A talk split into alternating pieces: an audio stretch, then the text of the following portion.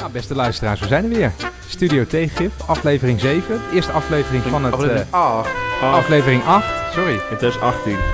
Van het nieuwe jaar inderdaad. Wat heb jij gedaan met oud en nieuw, eh Wiemar? Ik, eh, heb een, eh, ik had een trouwerij op oudejaarsavond. En dat ging dus door tot het nieuwe jaar. Toen hebben we met z'n allen geproost op het eh bruidspaar. was superleuk. In de haven hier in Den Haag. Veel vuurwerk. Dat is Hm. echt eh, eigenlijk een, eh, een aanrader voor mensen die nog een keer een trouwdatum zoeken. Ja, dat kan je ook niet vergeten, hè? Het is makkelijk voor Dus, de elke jaarwisseling is weer eh, leuk. Ja. En jij, eh, jij, Wouter? Ja, ik ben al getrouwd.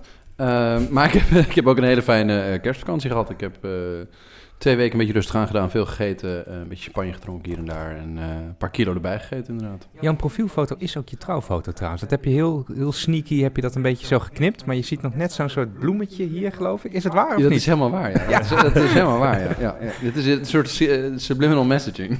Ik zag het, ik zag het opeens. Nou, het is goed dat iemand die conservatieve burgerlijke waarden hoog houdt. Dankjewel. Even kijken, waar gaan we het over hebben dit keer? We gaan het hebben over, eh, zoals de titel ook al zegt... eh, waarom gaat het slecht met links? Ja, daar kan je wel eh, tien uur over volpraten natuurlijk. Ja, en het gaat er ook al heel veel over in allerlei debatten, praatclubjes, opinieartikelen. dus het is nu tijd dat wij ons grote licht daarover laten schijnen, denk ik. Ja, zodat dat eindelijk opgelost Ja, wordt. precies, dan zijn we. Voordat we verder gaan, wil ik het nog even hebben over het, over het nieuws van deze week. Want deze podcast heet niet voor niks Studio Tegengif. We willen tegengif zijn voor de waanzin in het publieke debat.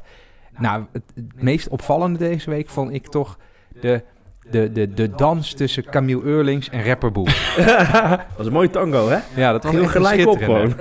Een schitterende. Ja. Eh, ik denk dat Camille eh, er nog had gezeten. Hij is afgetreden, voor, voor wie dat Gisteren toevallig? Ja, niet ja, meegekregen heeft eh, als IOC-lid. Ik denk dat hij er nog had gezeten als rapper Boef niet ook toevallig die, eh, die lieve dames die hem mee hadden genomen met de auto hoeren had genoemd. ja, dat denk ik ook, ja. Dat denk ik ook. was natuurlijk wel fascinerend, hè? Dat je dan als... eh het Europo- dat totale publieke eh, chaos uitbreekt op het moment dat je dat een 24-jarige rapper een aantal vrouwen hoer noemt. Wat ook een goede reden is, hè, voor publieke chaos overigens. Eh, maar dat je dan vervolgens een CDA-kamerlid krijgt... daar dan een heel opiniestuk over schrijft... terwijl, hij, terwijl een CDA-lid gewoon... eh, Ja, ja, een na zijn CDA-lid. vrouw- Na zijn, na zijn toenmalige vrouw. Eh, ligt Camille Eurlings, is niet een CDA, Ja. Camille Eurlings is oud-minister. Een oud prominent, of misschien een prominent, dat hij dan wel zou mogen blijven zitten. Die er overigens Eh, 2,5 jaar over deed om zijn excuses aan te bieden. Ja, op een soort halfslachtige en laffe manier. Maar er komt, ja, ja klopt. Maar Boeven die raakte al zijn geld kwijt. En uh, Eurlings, eh, door zijn excuses niet aan te bieden, hield hij nog eh, 2,5 jaar. Uh, twee ton in zijn vrijwilligersbaan. Heb ik begrepen. Ja, dat vond hij, een, hij, hij vond zijn werk een vrijwilligersbaan. 200.000 per jaar. Hij- Het stond zelfs in het eh, statement waarin hij zijn, eh, hoe zeg je dat? Waarin hij eindelijk toegaf en aftrad. Stond dat het de mooiste vrijwilligersbaan in de wereld was. Ja. Nou, ik snap wel waarom dat de mooiste vrijwilligersbaan in de wereld is. Want met zo'n vergoeding van 2,5 ton. Oh, ja, ja. Wilde het CDA niet ook dat mensen verplicht vrijwilligerswerk gingen doen? Zo? Ja, als iedereen het... De sociale dienstplicht. Iedereen 2 ton per keer. dat zou Prachtige zijn. perceptie van vrijwilligerswerk. Ja, ja, ja. Heerlijk. Oké, Ja, maar het jaar ja. begint dus goed. Ik vind het heel hoopgevend. Dus eh, we hebben nu één, één week zijn we onderweg met 2018. En de, de, de publieke, het publieke debat heeft alweer een paar dingen gewoon lekker rechtgezet. Nou, Mooi. ik, ik, ik vrees toch het ergste voor 2018. Want in, in week 1 is alweer gedreigd met, met kernoorlog. Nee, dat is ook alweer goed dat wordt altijd mee gedreigd. Het gebeurt bijna nooit. Het gebeurt bijna Tot nu toe is het nooit Overigens denk ik zo interessant, want Camille Eurlings, die nu terug is getreden, die gaat natuurlijk enorme problemen krijgen om een baan te vinden. Maar ik denk dat die rapper Boef hier eh, gewoon eh, extra geld mee gaat verdienen. Gaan meer mensen naar kijken. Met zijn hele repertoire, ik heb wel eens een paar nummertjes geluisterd, maar zijn hele repertoire gaat toch over dat vrouwen hoeren zijn? Ja, dit is ook helemaal Dus is niet alleen, uniek. eh, Maar is, als, je het, als, als we de media besluit dat ze, zich, dat ze echt heel weinig te doen hebben en er ophef over maken, dan is het heel erg. Het was ook wel, het was ook wel heel Het was ook wel een beetje Ja. lullig of gemeen van. Ja. Nou goed, we nemen in 2018 afscheid van de carrière van rapper Boef. Laten we, laten we even naar de echte, de echte inhoud gaan. Ehm, wat, eh, wat gaat er verkeerd met links? Misschien wil jij beginnen, Wouter. Wat is er nou gebeurd dat links in deze situatie is terechtgekomen? Ja, nou, ik wil eerst even een, eh, even een wedervraag, eh, Randy. Wat is eigenlijk links? Dat vind ik ook wel, dan, anders, dan is het heel makkelijk om er weer over, om, omheen te gaan babbelen. En dan heeft iedereen een vaag idee van wat links precies is. Eh eh, Randy, wat is voor jou links? Wat is politiek links? Voor mij links, links, de linkspartijen zijn de partijen die het kapitalisme een sociaal gezicht proberen te geven. Het kapitalisme proberen te breidelen in eh ouderwetse socialistentaal. Uh-huh. Oké. Ja. Sociaaldemocraten zijn ook nog democratisch tegelijkertijd. Die willen ook nog een sociale en democratische maatschappij, inrichten. Je hebt ook nog groen links. Je hebt een, hebt, een heleboel soorten links. Maar wat ze dus verenigt is dat ze het kapitalisme een sociaal gezicht geven, zoals jij zegt. Ja, dat is de doelstelling in elk geval. Hè? Nee, ik, ik zeg het omdat als je gewoon Wikipedia had op wat politiek links is, dan kom je bij. Dan gaat Wikipedia een hele lange tekst uitleggen dat het inderdaad een begrip is waar heel veel verschillende eh, betekenissen aan worden gegeven. Dat zijn de En- mensen die in het Frans parlement links van de voorzitter zaten. Dat is links. Ja, Dat precies. is pas een goede definitie. Hè? Dus we, nu, we, hebben het nu, we hebben het nu inderdaad over de mensen die in eh, ongeveer 1750 ten links van de voorzitter zaten in het Franse parlement. parlement. Nou, Daar nou- gaat nu iets fout mee. Daar gaan we het over hebben. Nee. Die mensen. Die zijn allemaal dood, die mensen. Wat- denk ik. wat- dood. liep je Dat maar- wel mis, Wat, ja. wat, wat Sorry, bedoel jij als je links zegt? Ik eh, denk eigenlijk aan eh, politieke partijen die eh, gelijkheid hoog in het vaandel hebben. Dus die willen dat, eh, dat eh, economische en sociale uitkomsten eens eh, gelijk zijn. En dat mensen ook gelijke kansen hebben. En iedereen van het leven kan maken. Ongeacht eh, inkomen, afkomst, Ja. Ja, dat, seksualiteit. ik denk dat het ook vaak is dat van wat je zelf voor, voor invulling aan links geeft. Het is, eh, links is soms net zoiets als religie. Daar hebben heel veel mensen een soort andere perceptie van wat het is. Maar maar iedereen dus- heeft wel een beetje een gedeeld beeld van wat het in moet houden. Ja, Ja, maar maar een beetje wacht, deelbeeld ja. in ieder geval dat zeg maar niet alle voordelen van het kapitalistische systeem of gewoon van de economie bij één club mensen terechtkomt. Je wilt Hm. dat delen, toch? Ja. Dat is eigenlijk. Maar als je de vraag stelt van wat, waar gaat het mis met de linkse partijen, dan heb ik toch wel de, de Europese sociaal-democratische partijen in gedachten. Ja. Die gewoon bijna, vrijwel zonder uitzondering, ergens in Portugal heeft nog iemand een keer een verkiezing gewonnen schijnt. Maar vrijwel zonder uitzondering zijn ze door, door het putje aan het gaan nu. Ja, nou, dan, dan hebben we het in ieder geval duidelijk waar we het ongeveer over hebben. Dus de, de partijen die zichzelf beschouwen als links van het midden. Dus die in welk willekeurig parlement dan ook aan de linkerkant van de voorzitter zitten. Ehm, waarom het daar slecht mee gaat. Nou, en dan specifiek in Nederland, ehm, met de, de Nederlanders waar het slecht mee gaat. En nou, laat ik dan direct gewoon losgaan met wa- wat, wat heel vaak genoemd wordt als eerste reden. Oh, je wil nog even... even, even, even, want we gaan het hier hebben over waarom het structureel eh Slecht zou gaan met links. Mhm. hè? Want ik, eh, ik heb ook een beetje voorbereiding gedaan voor dit eh, stukje hier zo. En toen kwam ik achter dat er allerlei wetenschappelijke studies zijn dat zeg maar, als het goed gaat met de economie, dan willen mensen wel op linkse partijen stemmen. Maar gaat het slecht met de economie, zoals de afgelopen tien jaar, willen mensen heel snel op rechtse partijen stemmen. Dus we hebben sowieso, misschien zitten we nu hè, de afgelopen tien jaar wel in een soort extra dip van linkse populariteit. En misschien dat het de komende jaren weer ietsje oplevert. Maar we, zien wel dat structureel in Europa gewoon de trend naar beneden is. En daar proberen we een verklaring voor te vinden. hè? Ja, Oké. Ja, helemaal mee eens.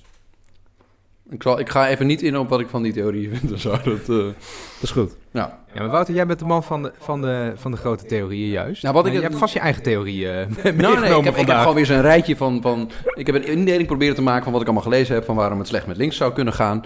En wat ik een van de leukste ideeën vind... is dat, dat mensen schrijven van... ja, alles wat het links ideaal wilde... dus de linkse idealen die na de Tweede Wereldoorlog zijn opgekomen...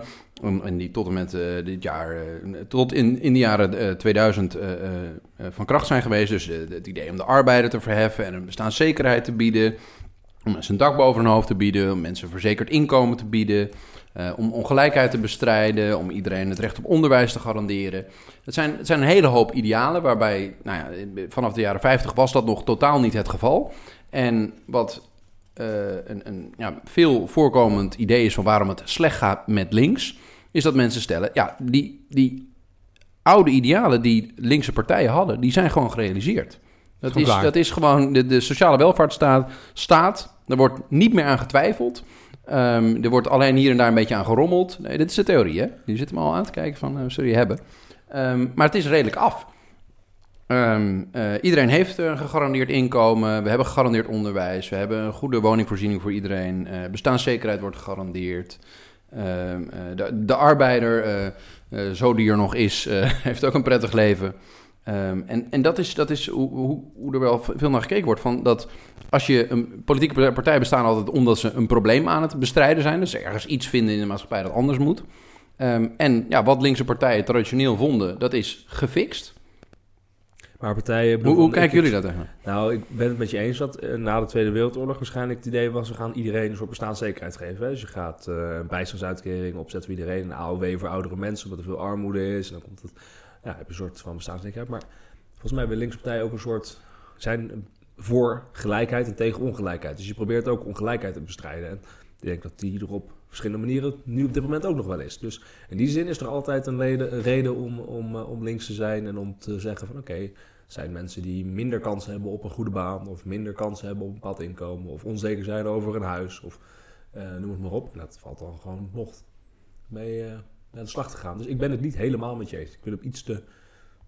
Iets te met deze theorie, sorry, Mhm. niet met jou, maar Ja. met deze theorie ben ik het eh, niet eens. Gaat, Wat- gaat weer ook omdat er nu gewoon allemaal extra onzekerheden zijn. zijn. Nu gaat het op bepaalde punten denk ik ook slechter een aantal jaar terug. Jij zegt, Ja. we hebben een huis voor iedereen. Nou, ik lees wel eens kranten. Het schijnt dat er nu enorm problemen zijn op de huizenmarkt. Dat mensen geen sociale huurwoning kunnen krijgen. Dat Ja, en dat dat huis dan af en toe in Oost-Groningen staat. uit, Ja.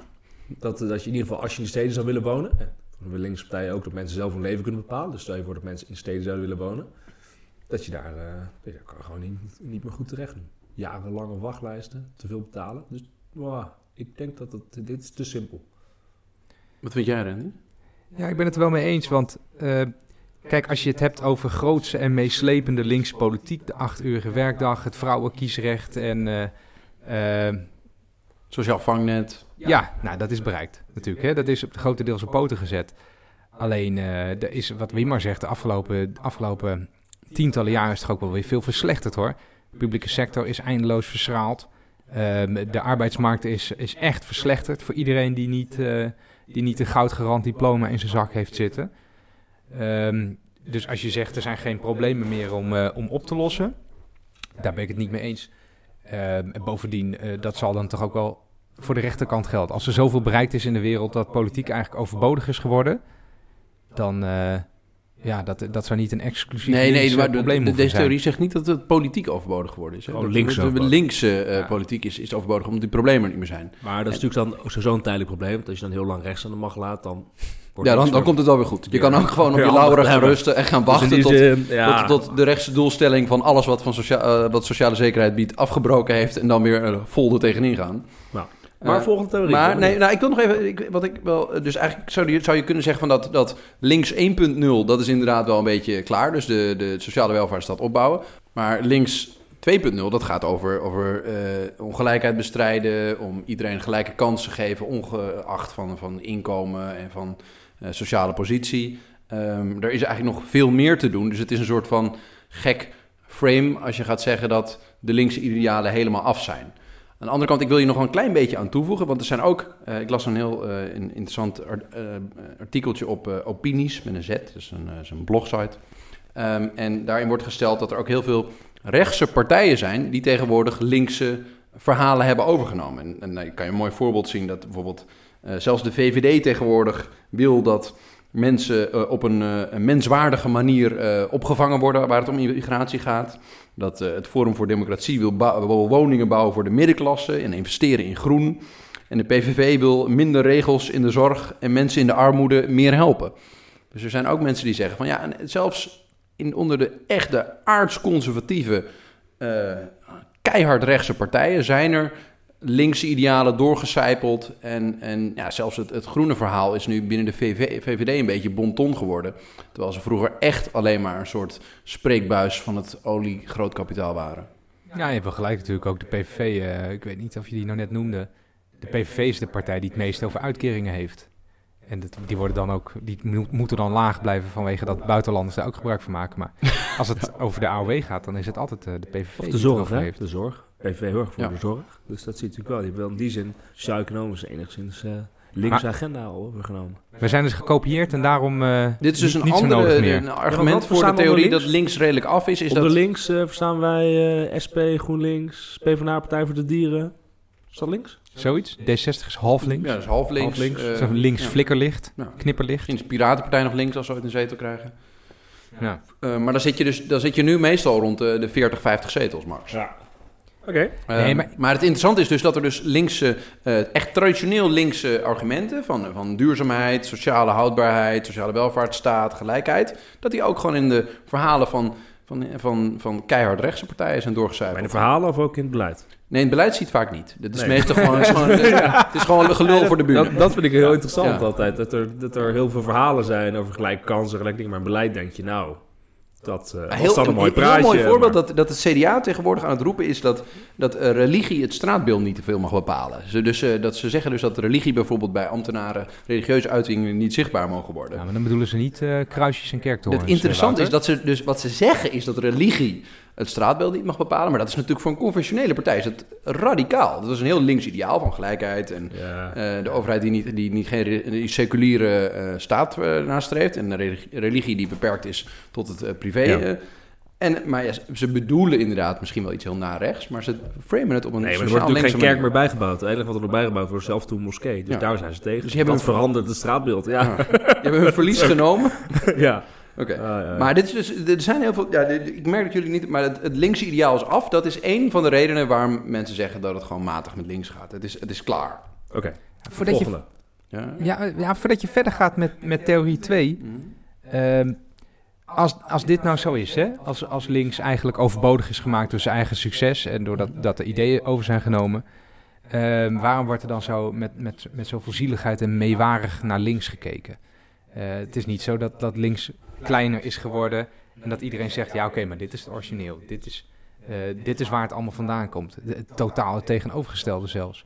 Mensen eh, ehm, hebben het er meer over dat we, dat we leven in een neoliberale wereld en dat links het heeft laten gebeuren en dat links het traditionele electoraat heeft verraden. De sfeer van het publieke debat is, Ja. is totaal niet ehm, theorie 1. Laten we dit even theorie 1 noemen. Ja, ik ben het ook wel eens, want eh, er zijn heel veel mensen die zeggen van ja, links moet terug naar de basis, terug naar hoe het vroeger was. Dus zeg maar de conservatieve trend in de linkse partij. Het moet terug naar hoe, hè, we gaan heel vaak eh Drees noemen en Den L en zo. Zo- Zo was het allemaal zoals het eh, moest We zijn. moeten weer actie Ehm, voeren. Ja, maar dat is dus allemaal inderdaad terug naar net na de Tweede Wereldoorlog. Zeg ik even 20 jaar na de Tweede Wereldoorlog of 30 jaar. Maar de- als jouw theorie klopt, theorie 1, dan is dat een volstrekt heilloze weg. Want ja, dat is allemaal gerealiseerd. Dus dan zou je eigenlijk moeten vernieuwen. Dan zou je een soort progressief geluid moeten laten horen. Maar het is interessant, want ja, ik ben het wel eens met Randy van ja, eh, het eh, verhaal, het gevoel is toch... eh, Ja, ik, Ja. ik, weet, ik weet niet zozeer of, dat, of het gevoel dan, dan klopt of niet. Dat het inderdaad dat we echt in een soort van neoliberale droom ver, verwikkeld zijn geraakt. waarbij de sociale welvaartsstaat op, op sterven na dood is. Dat valt allemaal mee. Ja, dat... Ehm, eh, ik, ik geloof, maar het, het, het, wat het punt dan is, is dat de linkse partijen ehm, heel makkelijk in het frame gezet kunnen worden van dat ze ergens voor aan het strijden waren. Nou, dat hebben we, hebben we als rechts toegegeven, dat hebben jullie gekregen. Jullie hebben je AOW, jullie hebben je WW, jullie hebben allerlei, eh je hebben een, een, een zorgstelsel, we hebben alle sociale voorzieningen voor jullie. ge- dat hebben we geprobeerd tegengehouden, maar wij rechtse mensen, dit hebben, we er door, hebben jullie er helaas doorgekregen. En nou moeten jullie niet meer piepen, ehm, want nu Ja. gaan we aan onze hobby's werken. De basis is op orde. Ja. Eh, nu gaan we weer gewoon normaal doen. Precies. Kappen met nu gaan we rijke mensen matsen en eh buitenlands besje. Ja, oké, maar de, de, eh, de dingen die je noemt, hè, de verzorgingsstaat op poten zetten, dat is toch ook wel van de decennia na de oorlog. Er is ook nog wel veel gebeurd sindsdien, hè. En je kan best wel een soort, een soort lijstje maken waarbij je kan zeggen, links heeft grote fouten gemaakt in de, in de, in de praktijk van de politiek, hè, in wat ze feitelijk hebben gedaan de afgelopen jaar. Een aantal dingen. Ja, dat, dat is Eh, precies mijn volgende ding. Oh, nou, nou, nou, theorie 2. Theorie, theorie 2. Dat, mijn the- theorie 2 zou eigenlijk zijn van het, het, het politieke spelletje is zo ontzettend veranderd nu tot eh, 2017. En eh, alle partijen zijn mee veranderd, behalve de linkse partijen. Die snappen er gewoon helemaal geen zak meer van, hoe het allemaal werkt. Nou, dat sluit heel waarom snappen ze het niet dan? Ehm, nou, een mooi voorbeeld is dat, dat politiek langzaam eigenlijk verworden is tot campagne voeren. Het is verworden tot. eh, het doet er niet zo heel veel meer toe van wat je nou werkelijk wil realiseren en of je dat kan en of je als je aan de macht bent daadwerkelijk ook waarmaakt wat je beloofd hebt. Het is verworden tot zo hard mogelijk en zo interessant mogelijk en zo mediageniek mogelijk roepen wat interessant is. Gewoon keihard tetteren. En daarmee in het middelpunt van de aandacht komen te staan. En daar zijn de linkse partijen heel erg slecht in geworden. Als ze een verhaal houden over gelijkheid, bestaanszekerheid, duurzaamheid. Het zijn, het zijn meestal saaiere verhalen. Ehm, dus het, het spelletje is ontzettend veranderd. Het spelletje is verhard. En linkse partijen zitten nog een beetje in de stoeltjes braaf een, een oude spelletje te spelen. Ja, maar dat heeft niks te maken met het spelletje dan, toch? Het heeft gewoon te maken dat het electoraat andere dingen wil horen. Gewoon het electoraat is veranderd, Nederland is veranderd. Al die verhaaltjes over ongelijkheid, ja, wegwezen. Ik wil iets horen over, eh, over de Nederlandse vlag in de Tweede Kamer. Super belangrijk. ja, denk je? Bijvoorbeeld. Ja. Ja, of ga even vertellen dat je Boef vervelend vindt als CDA-Kamerlid. Dat is interessant. Ja, ik zit ook maar een beetje, hè. Maar Nou, ik, weet- ik, weet- ik denk dat met het politieke eh, eh, spel aan zich van, van media en, en hoe je als Kamerlid eh, of als, als politieke partij aandacht op je vestigt te maken heeft. Ja, oké, maar dat, dat is het spel dan. Ja, en dat, daar snappen die linkse partijen gewoon echt even wat minder van. Maar de knikkers, die zitten wel... dat is de column van Frank van Kalshoven, toch? Het spel en de knikkers. maar de knikkers, die zitten wel goed. Ehm, nou ja, de- de- misschien kan je wel zeggen dat de knikkers er niet zoveel toe meer doen. Of relatief minder toe doen. Nou, dan wil ik wel even... Dan wil ik Ja. de tegen, het, te- het Oké. tegenverhaal inbrengen. Ja, ja, en wat, wat is de theorie daarvan? Dat, is het ook, dat, dat links... eh Ik, zou, ik zou wel willen zeggen, er zijn echt grote fouten gemaakt. ook, dus ze hebben er gewoon een potje van gemaakt. Ooit heeft links iets, eh, de sociaaldemocratie, iets heel goeds gedaan. Namelijk de verzorgingsstaat opgetuigd. En daar hadden mensen ook echt reden om daar tevreden over te zijn. Dat was iets wat er nog niet was. Dat hadden mensen nodig. Dat was goed. En het stond ook buiten kijf dat het, dat het goed was in die tijd. Eh, maar wat, wat is er sindsdien gebeurd? Een beetje vanaf, eh, vanaf de paarse jaren. De economie is gedereguleerd. De financiële economie, maar ook de arbeidsmarkt. Ehm, er is in de verzorgingsstaat enorm wantrouwen geïntroduceerd richting mensen die de verzorgingsstaat nodig hebben. Je wordt benaderd als een, als een soort halve dief of een soort halve oplichter wanneer je de pech hebt dat je een uitkering, eh, een uitkering nodig hebt. De integratie van, ehm, van migranten is mislukt, zou je kunnen zeggen. Het, het loopt niet lekker in elk geval. Er is enorme, wij zitten hier in Den Haag, er is enorme segregatie in Den Haag. Hè, de scholen in de Schilderswijk waar geen Nederlands kind op zit. Eh, dat hebben wij laten gebeuren. Ehm, en als je iets breder Euro- in Europa kijkt, eh, Tony Blair, die de Irak-oorlog steunde, dat was Tony Blair is een oorlogsmisdadiger. Dat is wel, de, de Labour-partij is toch ernstig in diskrediet geraakt vanwege, dit, vanwege deze fout. Laatste kabinetsperiode, decentralisaties in de zorg. Mensen zijn afhankelijk van zorgtaken waar, ze, waar ze niet meer zeker van konden zijn. Dan kunnen wij ons toch niet meer op de borst kloppen dat, we, dat wij de verzorgingsstaat aan de linkerkant hebben, ehm, hebben ingericht. De euro is ook eh, allemaal onder sociaal-democratische regeringsleiders eh, geïntroduceerd. Slecht, slecht doordacht. Ja, Dus, eh, dat is, dat is het, het is niet zo dat het spelletje zo verandert en dat links het niet snapt, maar gewoon dat links er ook echt wel een beetje een potje van gemaakt heeft. Dat, dat er grove Nou. fouten zijn begaan die, die, als je die ideologische waarde daadwerkelijk hebt, echt nooit hadden mogen plaatsvinden. ja nou, ik lees net een lijstje op. Een lijstje oplezen is, is nooit een manier om mensen echt te overtuigen. Dat weet Ja. ik ook. Hoe voel je Maar- erbij? Als een bed weten. Je, kan, je zou best kunnen betogen dat links het gewoon niet goed heeft gedaan. De afgelopen, de afgelopen twintig jaar. Wie wat denk jij? Is dat waarom het eh, slecht gaat met links? Nou, ik wil nog wel gewoon andere eh, twee factoren. Ik denk inderdaad dat eh, gewoon de algemene ontwikkeling dat het inkomen in Nederland ge- gestegen is. Dat mensen zich niet meer druk hoeven te maken om, om een inkomen, dus zelf vrij kunnen gaan kiezen. En ook zelf het gevoel hebben dat ze hun leven bepalen, dat andere mensen dit ook kunnen doen. Dus dat een overheid wat minder nodig is, een sociaal vangnet. Dat is denk ik wel een hele sterke geweest. Dus het emancipatie-idee, dat, dat is gewoon wat, wat minder no- nodig. Want mensen denken, ja, we regelen het zelf wel. Dus ga niet zo gewoon, eh, lief lopen doen tegen iedereen die het niet voor zichzelf regelt. Dat gevoel, zeg maar, dat is denk ik best wel sterk. Het individualisme, zo kan je het ook noemen. Dus gewoon minder Eh, solidariteit, Ja, je? minder solidariteit, maar dat, dat, dat, dat- kijk, ja. Ja, want het volgende, minder solidariteit. Ik denk toch gewoon dat migratie een extreme invloed heeft gehad op de teleurgang van links. Omdat als je een beetje eerlijk wil delen, dan eh, doe je dat heel graag met eh, mensen die op je lijken, met de homogene groep. En op het moment dat er dan allemaal migranten je land binnenkomen, eh, dan ga je toch eens denken, hey, die maken gebruik van die sociale voorzieningen en onderwijs en zorg, wat we allemaal betalen met elkaar, belastingen. En dan hoor je eens een keer dat er fraude is van migranten. En dan ga je toch als...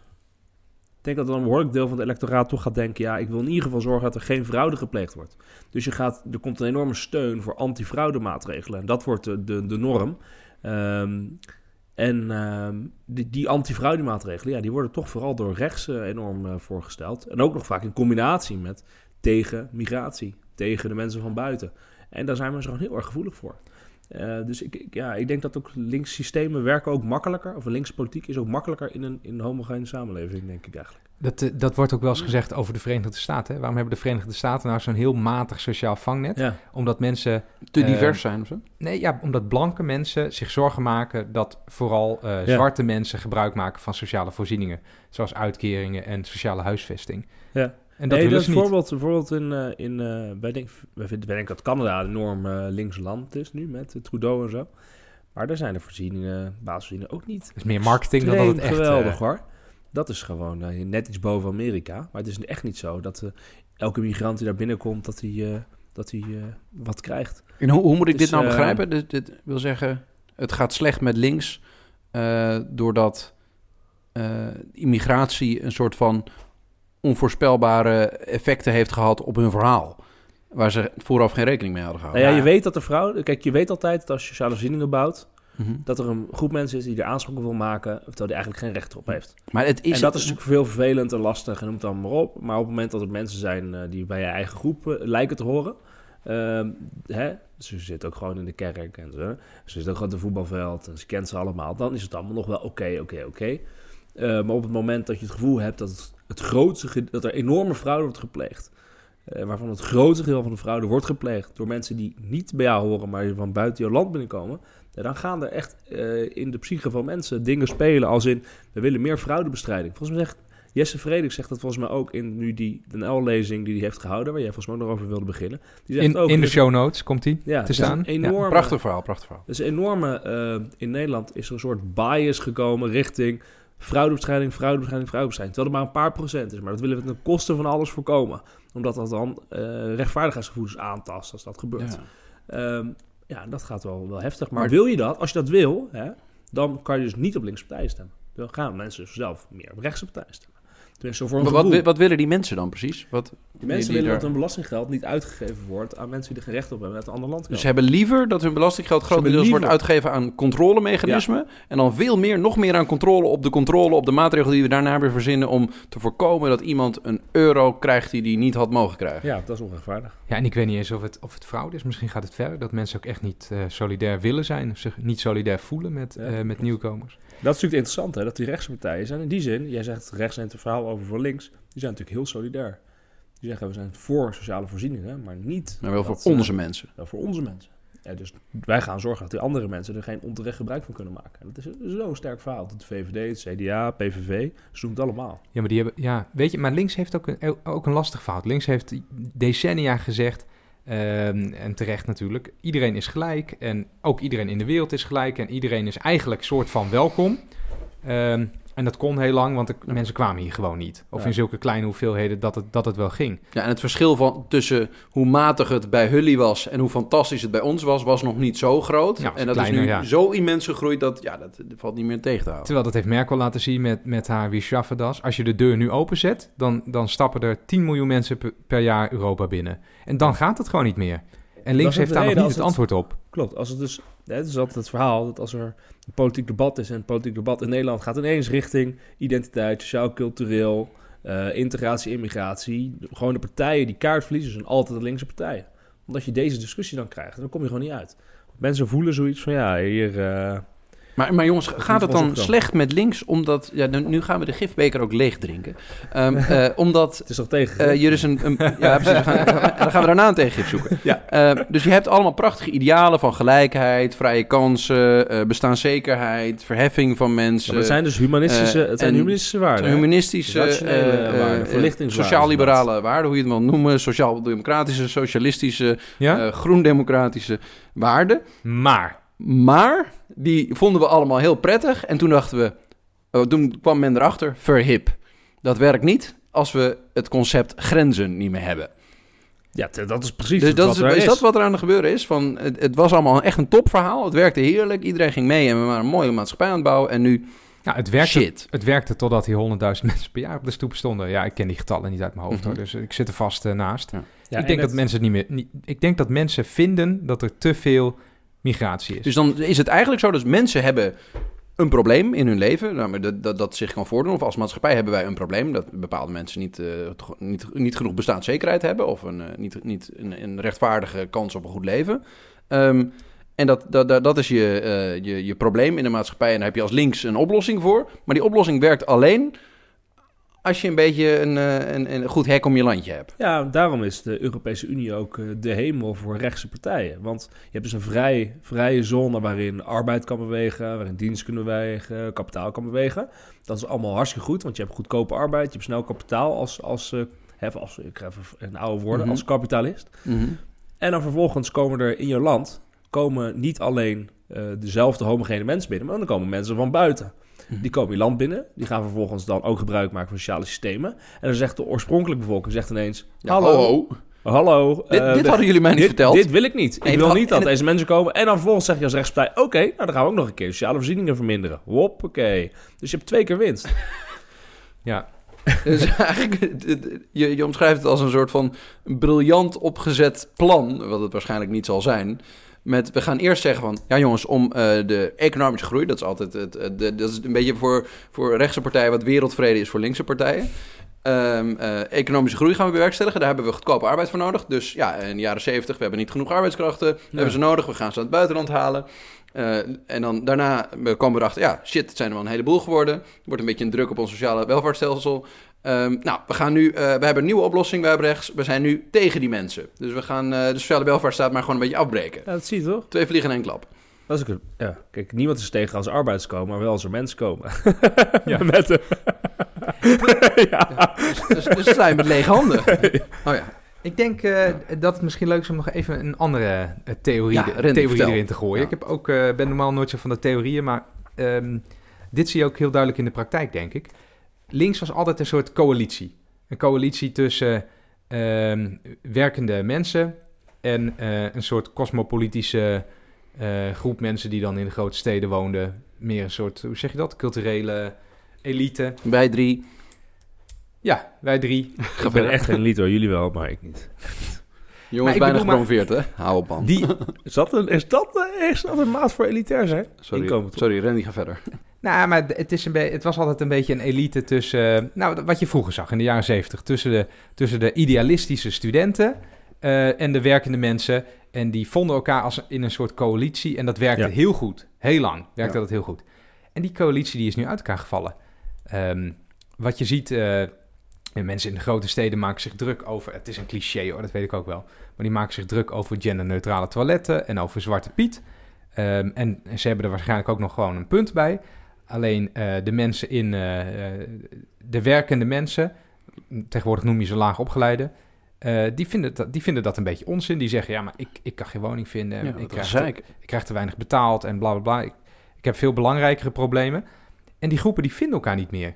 Want de groepen, en dat, dat zou mijn kritiek zijn op de grootstedelijke elite, ja, die maken zich veel te druk over dingen, eh, over hun eigen problemen. En die zijn niet meer bereid te luisteren naar de, eh, naar de problemen van de andere mensen die vroeger de linkse coalitie eh, uitmaakten samen. Ja, de, de echte daadwerkelijke problemen van mensen. Ja, daar, dat daar niet meer naar geluisterd wordt. Gewoon Dus de, huisjes bouwen. Vroeger was er nog Ja. een soort van coalitie van problemen. Dus we konden ons nog verenigen, want onze problemen leken een beetje op elkaar. En nu zijn die problemen zo uit elkaar gegroeid en iedereen is zich alleen maar gaan focussen op zijn eigen pro- problemen. Ja, of er was meer solidariteit tussen die groepen. Ja. Want nu, als je dus eh, in Friesland eh, zegt dat je Zwart en Piet een probleem vindt, ja, dan, wordt dan wordt er snel wel geblokkeerd en dan, eh, dan eh, Ja. wordt een hets tegen je gevoerd. Maar andersom, als je in de grote steden zegt van jongens, eh genderneutrale toilet is dat nou, hè? moet dat nu even prioriteit hebben? Kunnen we misschien eerst iets doen aan de flexcontracten van iedereen in de zorg? Ja, dan krijg je ook geen, dan krijg je ook geen luisterend oor. Nee, net zo'n discussie, dit vind ik heel mooi hier in Den Haag ook over... ik vind woningbouw natuurlijk geweldig als onderwerp, omdat het gewoon een basisvoorziening is voor iedereen. Dus als je het hebt over sociaal-democratisch of links ideaal, dan is dat wel. Iedereen moet een huis hebben. Hier zie je in Haag, maar ook in andere grote steden, zie je niet discussie ontstaan over hoe maken we meer huizen voor iedereen. Maar je ziet een discussie ontstaan over, moeten we nou de voorraad sociale woningbouw verkleinen en verkopen aan de middeninkomens? Of moeten we ehm, eh, het juist andersom doen? Dus het gaat niet meer over de vraag van... oké, hebben we meer woningen nodig? Maar de vraag gaat over wie krijgt de woningen die er zijn? Die er, die er Ja. nu zijn. ja. Gaat het naar de laaginkomens, gaat het naar de middeninkomens? Dan wordt dit niet meer naar een gezamenlijke oplossing Dat is ook gezocht. een verneukeratieve Omdat dus gewoon de, de middeninkomens... Dus ja, we vertrouwen de woningcorporaties niet. Zelf woningen bouwen als corporaties, overheid, dat willen we niet. Eh, ja, eh, en de andere kant zegt... ja, oké, die woningcorporaties zit... de, de sociale huurders zijn eh, allemaal scheefwoners, dus eh, eruit maar. Ehm, ja, dat, dat, dat is een discussie waar je terecht komt. Overigens, nog een hele andere. Wat ik dus fascinerend vind aan links... en dat het slecht gaat... en wat er dan vervolgens gebeurt...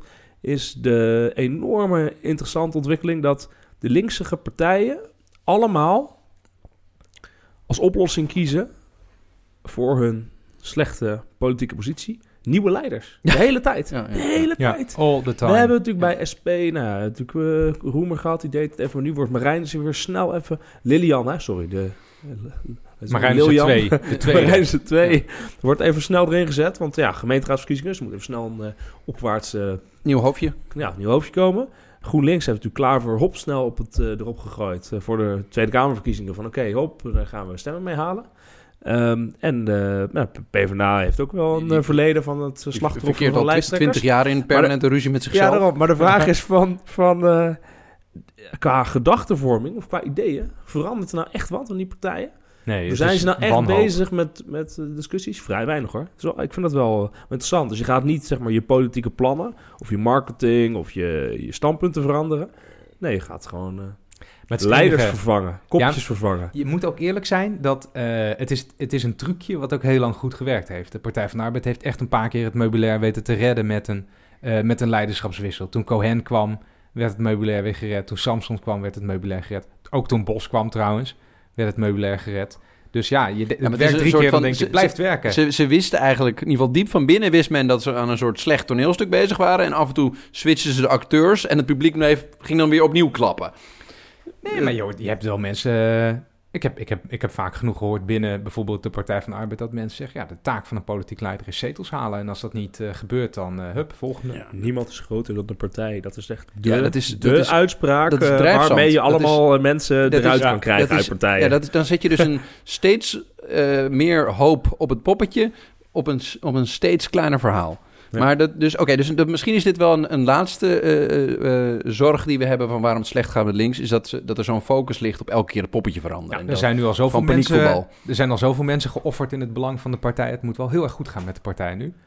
de partijen. de partijen Stalinistisch offeren voor linkse partijen.